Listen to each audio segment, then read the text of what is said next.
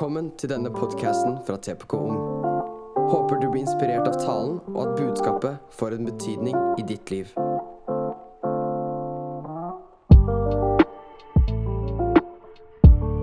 og er ungdomsleder her. Det betyr at uh, Ja. Hvis det går bra, så får alle lederne her for skylda. Går det dårlig, så er det jeg som får skylda. Det er det det betyr. Neida. Men eh, Så hvis du lurer på noe, så kan du snakke med meg. Eh, og min kone som sitter der. Vi leder dette sammen. Og det er faktisk ingenting vi heller ville gjøre enn å bruke fredagskveldene våre her. For det er faktisk det beste stedet du kan være en fredagskveld. Det har så mye, mange grunner til nettopp det. For det første så er det som folka her. Er det mulig så mye bra folk det er her? Så mye bra folk samla på et sted. Det finner du ikke noe som helst annet sted. Jeg er litt biased. Jeg er, jeg er ikke helt uh, objektiv i, i, denne saken, men jeg mener det. Det fins ikke bedre folk. Det fins ikke folk som, som, elsker deg og viser kjærlighet til du den samme måten, som inkluderer deg. Og hvis du er her for første gang eller andre gang, så håper jeg at du har følt på det allerede. Eh, men vi har, eh, har, en saying her i ungdomsarbeidet om at hvis du ikke passer inn noe som helst annet sted i samfunnet, hvis du ikke har venner noe som helst annet sted, så passer du inn her, og så har du venner her. I vår kirke så er det sånn at hvem som helst kan komme. Du kan tro hva du vil, du kan se ut som hva du vil. Her er du velkommen. Sånn at hvem som helst passer inn her. Det er fint. Kan ikke du se på naboen, smile og si at du passer inn her? Nydelig. Vi hadde en, en konferanse forrige helg. Var ikke den bra? Den var sinnssykt bra. Eh, den het 'Utrustet'. Du kan få opp eh, powerpointen min.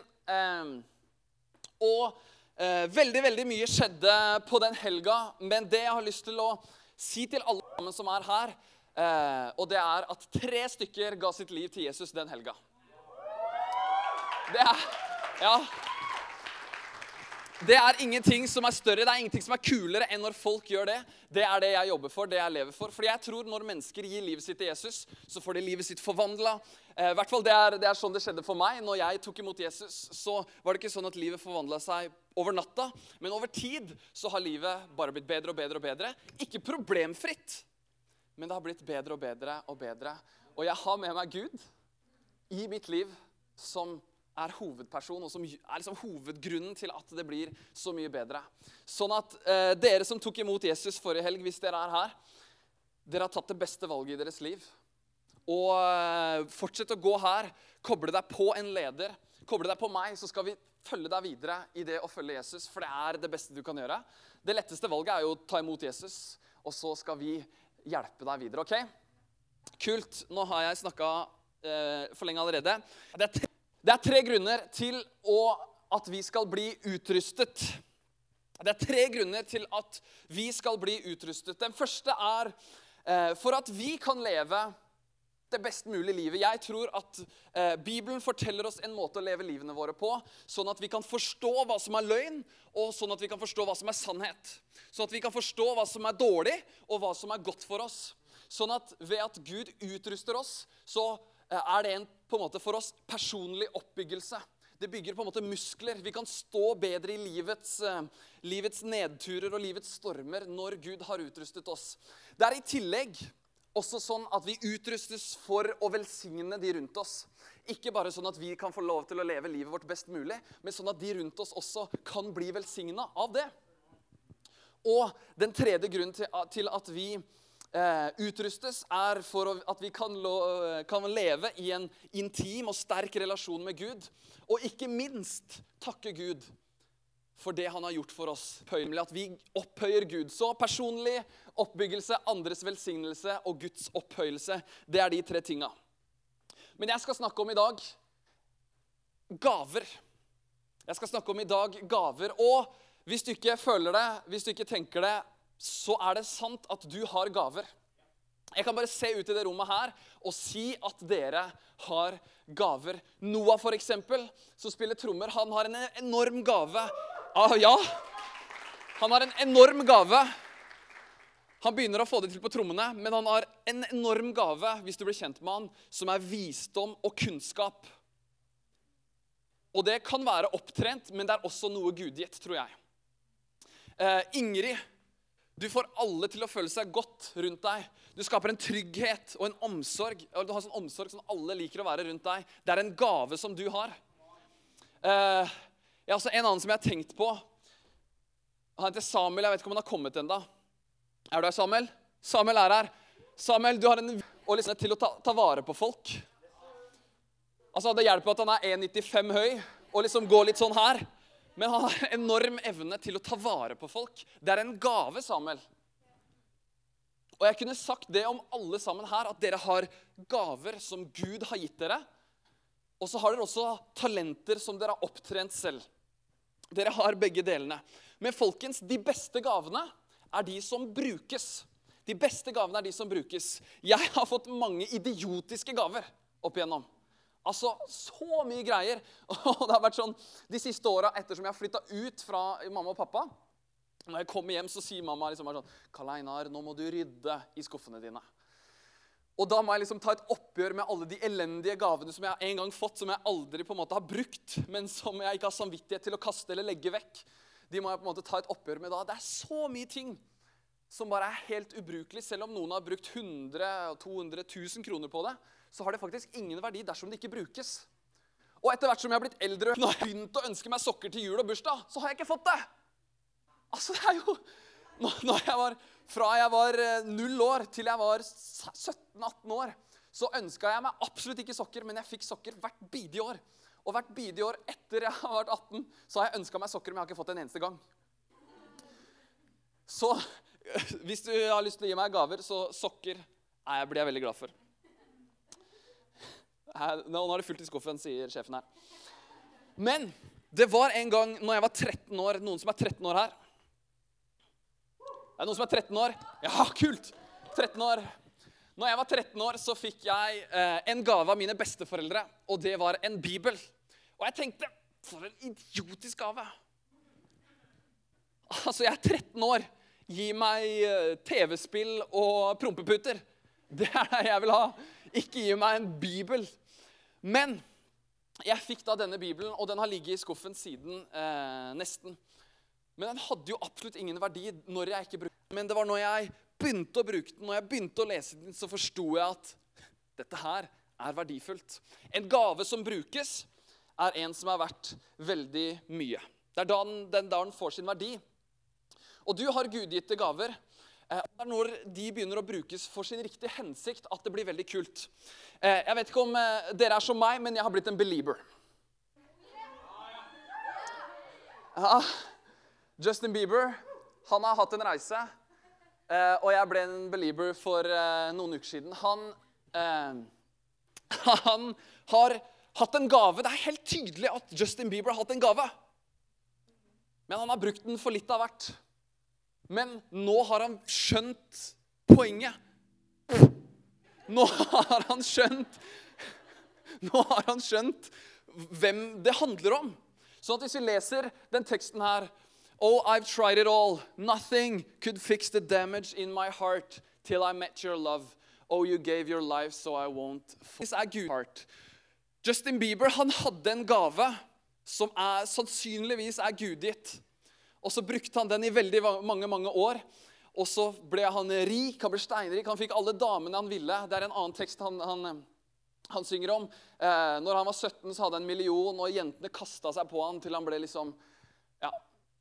Og så forteller han i neste setning at men det var ikke det som ga meg mening. Han har forstått noe nå, og han har begynt å rette sin gave mot hva som virkelig gjelder, og det er til Gud og til andre mennesker. Eh, og da har jeg lyst til å spørre deg eh, Hva er det du bruker gaven til, din til? Og gavene dine, hva er det du bruker de gudgitte tinga og de opptrente tinga? Bruker de de for å oppbygge deg selv, eller bruker de for å oppbygge andre? Bruker du de for å, for å opptrene, liksom, opptjene suksess i ditt eget liv, eller bruker du de for å opphøye Gud? Det er mitt spørsmål til deg. Hva er det du bruker gavene dine til? Og i den anledning så har jeg med en gave. Er det noen som har lyst på en gave? Er det noen som har lyst på en gave? OK, få se. Det er bare det er to Ingen som har lyst på en gave? Ja. OK. Ok, La meg se her, da. Preben, du kan få denne gaven av meg. Preben, kom fint. Og så skal du få åpne denne gaven. Applaus til Preben. Du kan åpne den akkurat sånn som du vil. Og på papiret så står det 'Merry Christmas', naturligvis. Naturligvis. Altså mer Christ uh, Mass. Mass. Ja, sammen. Ok, Hva er det vi har oppi her, Preben? Wow! Her har vi melkesjokolade. Wow! Så gavmild er jeg. Tenk at jeg gir, jeg gir vekk en sjokolade. Og nå har jeg gitt Preben en gave. La oss, eh, la oss tenke at jeg er Gud, og så gir jeg en gave til Preben. Men hva er det du bruker gaven din til, Preben? Jeg spiser den. Tenk deg om en gang til. Hva var spørsmålet? Hva er det du bruker gaven din til? Altså Jeg bruker den jo i hverdagen, da. Ok, ok, ok. Nå, nå er tydeligvis Og Preben har ikke skjønt det. Men eh, nå skal jeg lede Preben gjennom dette. Nå har jeg gitt Preben en gave. Og den gaven, Preben Og nå, nå, er, nå er det jo bare en, en sjokolade. Tenk om det hadde vært, tenk om, det hadde vært eh, om Gud hadde gitt oss en gave til å synge, til å tale, til å, til å møte folk, til å elske folk, til å vise omsorg. Hva er det vi bruker det til? Altså, Vi bruker det ikke til oss selv, men vi bruker det til å velsigne andre. Hva er det du bruker gaven din til? Så Preben, hva er det du bruker gaven din til? Ja! Nydelig! Kan ikke du vise det, da? Kan ikke gi eh, sjokoladen til en søt wow. ute i salen her, og så trenger Au! Wow. Hun er opptatt. Hun er opptatt. Du må finne noen andre. Mens eh, Preben, du kan, eh, du kan eh, Gi en applaus til Preben. Og så må du gi den bort. De gavene vi har, som vi har fått av Gud, ja, de brukes til personlig oppbyggelse fordi Gud ønsker å hjelpe oss i våre liv, men det brukes også for andres velsignelse, sånn at ikke bare vi skal bli stjerner sjøl, men sånn at vi kan løfte andre opp. Og sånn som Noah nå fikk en nydelig sjokolade, og så har han smil fra øre til øre. Og så brukes det også for å, for å opphøye Gud. La oss se på noen bibeltekster. For dere som har med Bibelen, kan dere slå opp i Romerne 12, vers 4-8. Romerne vers, nei, kapittel 12, vers 4-8. Står det.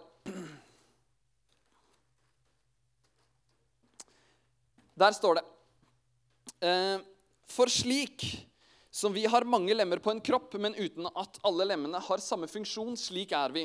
Selv om vi er mange, er vi én kropp i Kristus, og hver enkelt er vi hverandres lemmer. Vi har da gaver som er ulike ifølge den nåde som er gitt oss. Hvis det er profeti, bruk den i overstemmelse med troen. Eller om det er en tjeneste, bruk den i tjenesten. Den som lærer, må ta vare på lærdommen. Den som oppmuntrer, må ta vare på oppmuntringen. Den som gir, må, vare, nei, må gi med gavmildhet. Den som har lederansvar, må lede med iver. Og den som viser miskunn, må gjøre det med glede. Det første som står her, er at vi er lemmer på en kropp. Jeg vet ikke om du har tenkt på det, men kroppen din har mange ulike lemmer, kroppsdeler, og alle har ulike funksjoner. Ok? Det er vi enige om. Vi er enige om det? Ok, ikke sant? Så eh, for på beina de bruker vi med å gå. Øynene bruker vi med å se på. Og så bruker vi armene til å slå. ok? De har hver sine funksjoner. De er ulike. Og for dere som ikke skjønte at jeg kødda, så tulla jeg. og så leser vi her at de blir gitt til oss etter den nåde som er gitt oss. Eh, og la oss gå litt videre på det eh, seinere. For det står i eller jeg kan si det nå, 1. Korinterbrev 12,11 så står det det at ånden gir etter hans vilje. Altså Det er ikke sånn nødvendigvis at vi, vi trener oss opp, eller at vi bare eh, Vi vi får eh, Jo, det er poenget. Vi får. Eh, og det er ikke sånn at vi kan opptjene eller opptrene. Vi får etter hans vilje. Og jeg har prøvd veldig lenge å være noe annet enn det jeg egentlig er. Jeg har prøvd å, å trene opp noen evner som jeg egentlig ikke har fra før av. Og så har det funka til noe grad, men det er når jeg skjønte hva Gud hadde gitt meg, hvem jeg var, at det virkelig begynte å bli interessant. Så du har som en haug med ting.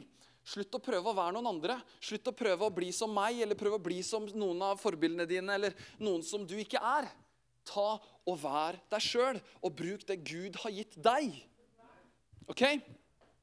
Eh, og så leser vi i, i 1. Korinterne 12,12 så leser vi at for slik kroppen er én og har mange lemmer, men alle de mange lemmene på den ene kroppen er én kropp. Slik er det også med Kristus. Sier det igjen. Eh, øya, Og så står det videre her at øyet kan ikke si til nesa Nei, nesa, du er uviktig. Vi trenger ikke deg. Stikk av, liksom. Eh, det er ikke sånn at kneet kan si til en arm og si, si at ah, jeg har lyst til å være en arm. Nei, kne er et kne for en grunn, ellers så kunne du ikke gjort sånn her, f.eks. Sånn at alle kroppsdelene har en funksjon, og det er viktig at de er ulike. Eller så hadde vi sett veldig rare ut. Vi hadde gått veldig rart. Eh, så jeg håper at du forstår at dette handler om deg. At det du har, de gavene du har, det er unikt deg, og det skal du bruke. Og det skal jeg og vi framelske. Sånn at heldigvis så skal ikke alle bli som meg. Oh, thank God. OK. Eh, ja. Det var det jeg leste i stad. At ånden gir til det den han vil, slik han vil. Men la oss lese dette verset her i Efeserne 4. Nå går vi inn på det som kalles tjenestegaver, og hang on. Eh, meg, før vi leser dette verset, la meg si det sånn her. At disse tjenestegavene tror jeg vi alle sammen til en viss grad har fått. Og det gjenspeiles i vår identitet og vår personlighet. Altså hvem du er, det kan vi på en måte forstå litt ut av disse, disse her. Der står det Han ga noen til å være apostler, noen til profeter, noen til evangelister, noen til hyrdere, hyrder og lærere. For at de hellige skulle bli utrustet til tjenestens arbeid til oppbyggelse av Kristi kropp. Her kommer denne kroppen igjen. Så Gud han gir oss noen gaver, sånn at kroppen kan bygges opp for å utruste vi som tror, til å være det kroppen skal være. Til å være til velsignelse for andre. Til å forkynne hans evangelium. All right? Og la oss nå se på eh, det neste verset som står her. Det står i 16. Dette skaper vekst for hele kroppen til dens egen oppbyggelse i kjærlighet. Først står dette, og så står det noe imellom, og så på en måte konkluderer det med at dette skaper vekst for hele kroppen. Når vi bruker gavene våre, så skaper dette vekst for hele kroppen. Da blir kirka større. Da er det flere som er med. Da er det flere som får høre det, det, gode budskapet om at man er god nok i en tid hvor alt annet sier at du er ikke god nok. En tid hvor du, hvor du blir cancela. Så er vi en, et fellesskap som sier, 'Her er du velkommen'. Så når vi blir utrusta av Gud, så får vi være det vi er kalt til å være. Og eh, til dens egen oppbyggelse i kjærlighet. Og husk det ordet kjærlighet. Hvilket ord skulle dere huske? Det skal vi snakke om litt seinere. Eh, så poenget med denne gaven som Gud gir oss, det er at det skal utruste oss. Og poenget med at vi blir utrusta, er at vi skal bygges opp for at vi kan velsigne andre, og for at Gud kan opphøyes, eller skal opphøyes. All right? La oss se på disse fem apostler, profeter, evangelister, hyrdere, hyrd, ah, hyrder og lærere. Apostler eh, La meg forklare de veldig kort. Apostler er de som eh, liker å gjøre noe nytt, møte nye folk, være pionerer, starte noe nytt, reise til et territorium der på en måte ingen har vært før, og, og spre eh, evangeliet. Eh, apostlene i, i, eh, Det nye testamentet og viste reiste ut og, og, og etablerte kirker, lærte opp og, og, viste hvordan det skal gjøres. Profeter er de som eh, er veldig påkobla Gud, som liker den åndelige dimensjonen av virkeligheten. Som liker å lytte til Gud, høre fra Gud og få budskap fra Gud.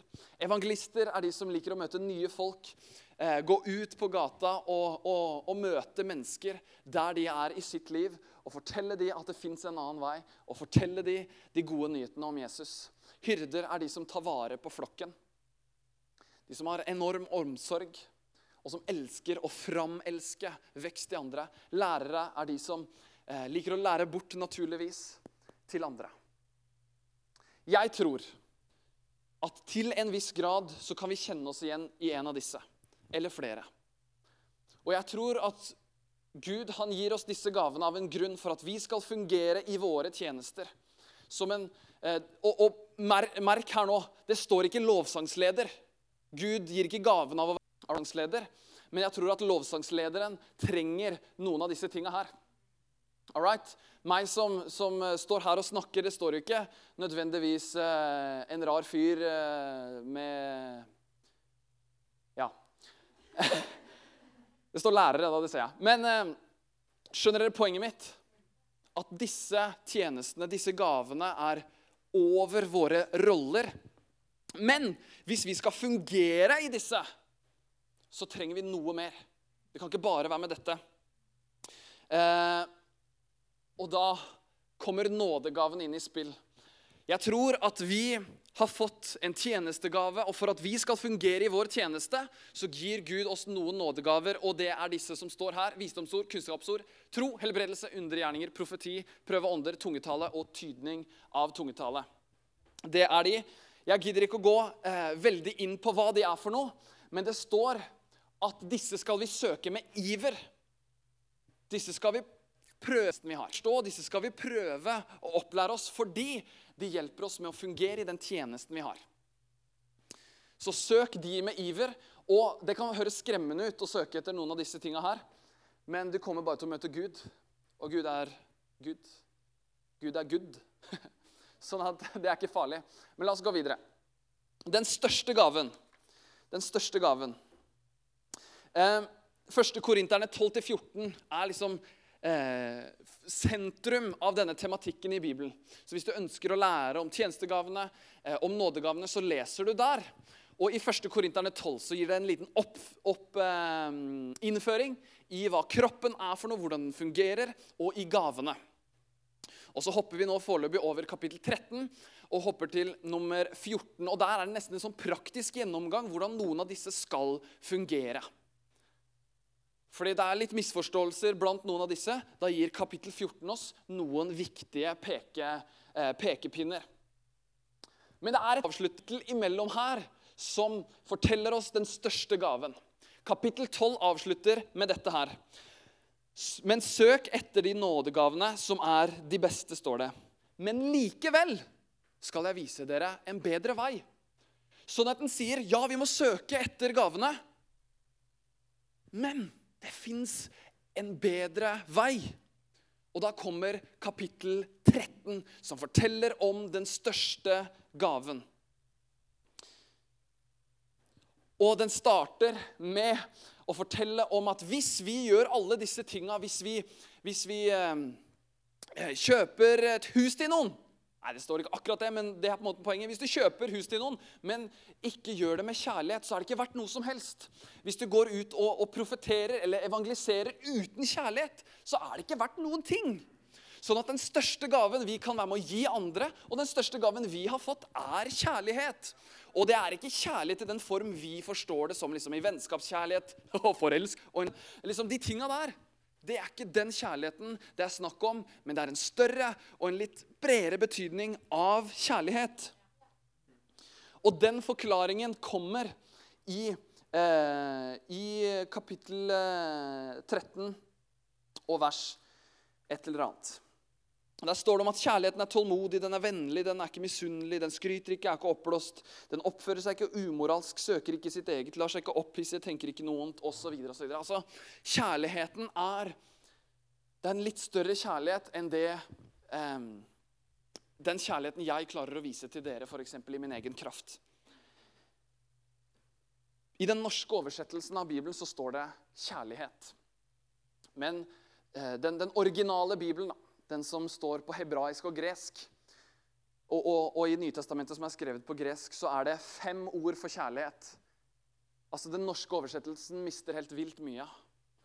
Fordi på den, på den greske så er det fem stykker. Og agape. Ordet som står her, er agape. Det fins en bedre vei, og det er agape. Hvis du gjør alt dette, men ikke har agape, så er det ikke verdt noe som helst. Er det noen som vet hva det ordet betyr? Det er en guddommelig kjærlighet. En selvoppofrende kjærlighet som sier at 'du er viktigere enn meg'. Det er en kjærlighet som ikke tar hensyn til hvem du er. Nei, den elsker deg uansett. Det er en kjærlighet som aldri tar slutt.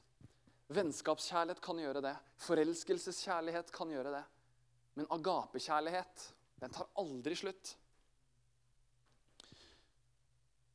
Og da avsluttes det kapitlet med så blir de stående disse tre tro, håp og kjærlighet. Og størst blant dem er kjærligheten. Og det er veldig typisk å ha det hengende på, på badet eller et eller annet sånt. Ah, størst av alt er kjærligheten. Men det er liksom ikke Nei, kjærlighet, sånn kjærlighet. Nei, det er kjærlighet fra Gud. Det er kjærlighet som ikke bare er sånn eh, La oss eh, være venner på gode sommerdager og når, når det er grill og unga er fornøyde, liksom. Men det er kjærlighet som elsker uansett, som ikke tar hensyn i det hele tatt. Som egentlig i sin reneste form bare kan komme fra Gud. Agapekjærlighet er det snakk om her. Poenget med at vi utrustes Poenget med den gaven vi får, er ikke at vi har gjort oss fortjente til det, men det blir gitt til oss av kjærlighet fra Gud. Det er, det er noe av det agapekjærlighet handler om. Du får ikke som du fortjener, men du får det av nåde. Du får det uansett. Slik at vi kan bygges opp av hans kjærlighet. Det er det som bygger oss opp. Det er ikke vennskapskjærligheten først og fremst, men det er hans agapekjærlighet som bygger oss opp. Sånn at de vi møter, ikke bare møter min halvbra kjærlighet, men at de kan få lov til å møte agapekjærlighet gjennom meg. Sånn at ikke jeg elsker med min egen kjærlighet, men jeg er i kontakt med Gud. Sånn at jeg kan fortelle mennesker ikke hva jeg tenker om dem, men hva, Gud tenker om dem. Og hvem de er i Guds øyne, og ikke andre menneskers øyne. Sånn at den blir gitt til oss av kjærlighet, så vi kan leve i kjærlighet. Sånn at andre kan få lov til å se hans kjærlighet igjennom oss. Og på grunn av dette, siden vi får alt dette, så fortjener jo Gud ære. Så fortjener jo han takk for all hans kjærlighet. Og da agapekjærlighet. Folkens, du har en gave, og den må brukes. Den må, den må, du må begynne å bruke den. Og det kan du begynne med akkurat her, akkurat nå. Du kan begynne på skolen din. Du kan begynne i ungdomsarbeidet her neste uke og begynne å bruke flokken din. Enten om det er å eh, få folk til å føle seg vel, om det er å være en hyrde for en flokk, om det er å lede lovsang, whatever, så skal den gaven i bruk her. For den gave som ikke brukes, er ikke verdt en dritt. Men den største gaven vi noen gang har fått. Og lovsangsteamet, dere kan komme opp. Den største gaven vi noen gang har fått, den er agapekjærlighet. Og nå har jeg forklart agapekjærlighet med ord, men, men Gud har jo ikke bare forklart det for oss, men han har også vist det for oss. For jeg vet ikke hvor mye du kan om, om på en måte, fortellingen om Gud og Jesus og den pakka der, så er det faktisk sånn at Gud han elsker oss så høyt at han sendte sønnen sin ned dit. han. At han flytta inn i vårt nabolag, gikk iblant oss. Han ble lik som oss. Han fikk kjenne på alle problemene vi kjente på. Han fikk lov til å oppleve eh, lidelse og sorg. Men dette var Gud i, i menneskeform. Og så gikk han blant oss. Og så var han ikke her bare for å opphøye seg selv eller for å Nei. Han var her med et oppdrag. Og det var for å, for å konkretisere, personifisere agape-kjærlighet. Ikke bare gå rundt og snakke om det og lære masse filosofier. Nei, han kom for å vise oss det. Så det Jesus gjør, er at han ble hengt opp på et kors på Golgata. Og så er det ikke sånn at han straffes for sine egne synder nødvendigvis. Men han klatrer opp på det korset der, han henges opp på det korset med den tanken om din synd og min synd.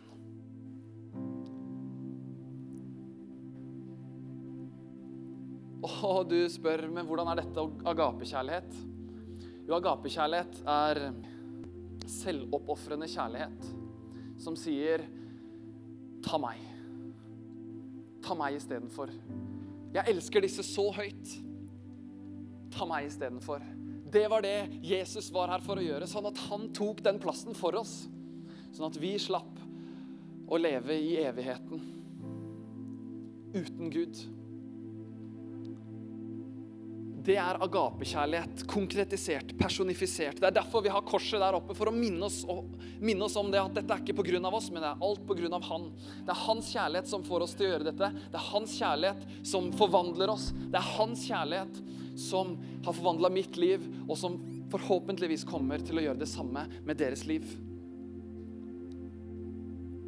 Det er den største gaven som du og jeg har fått.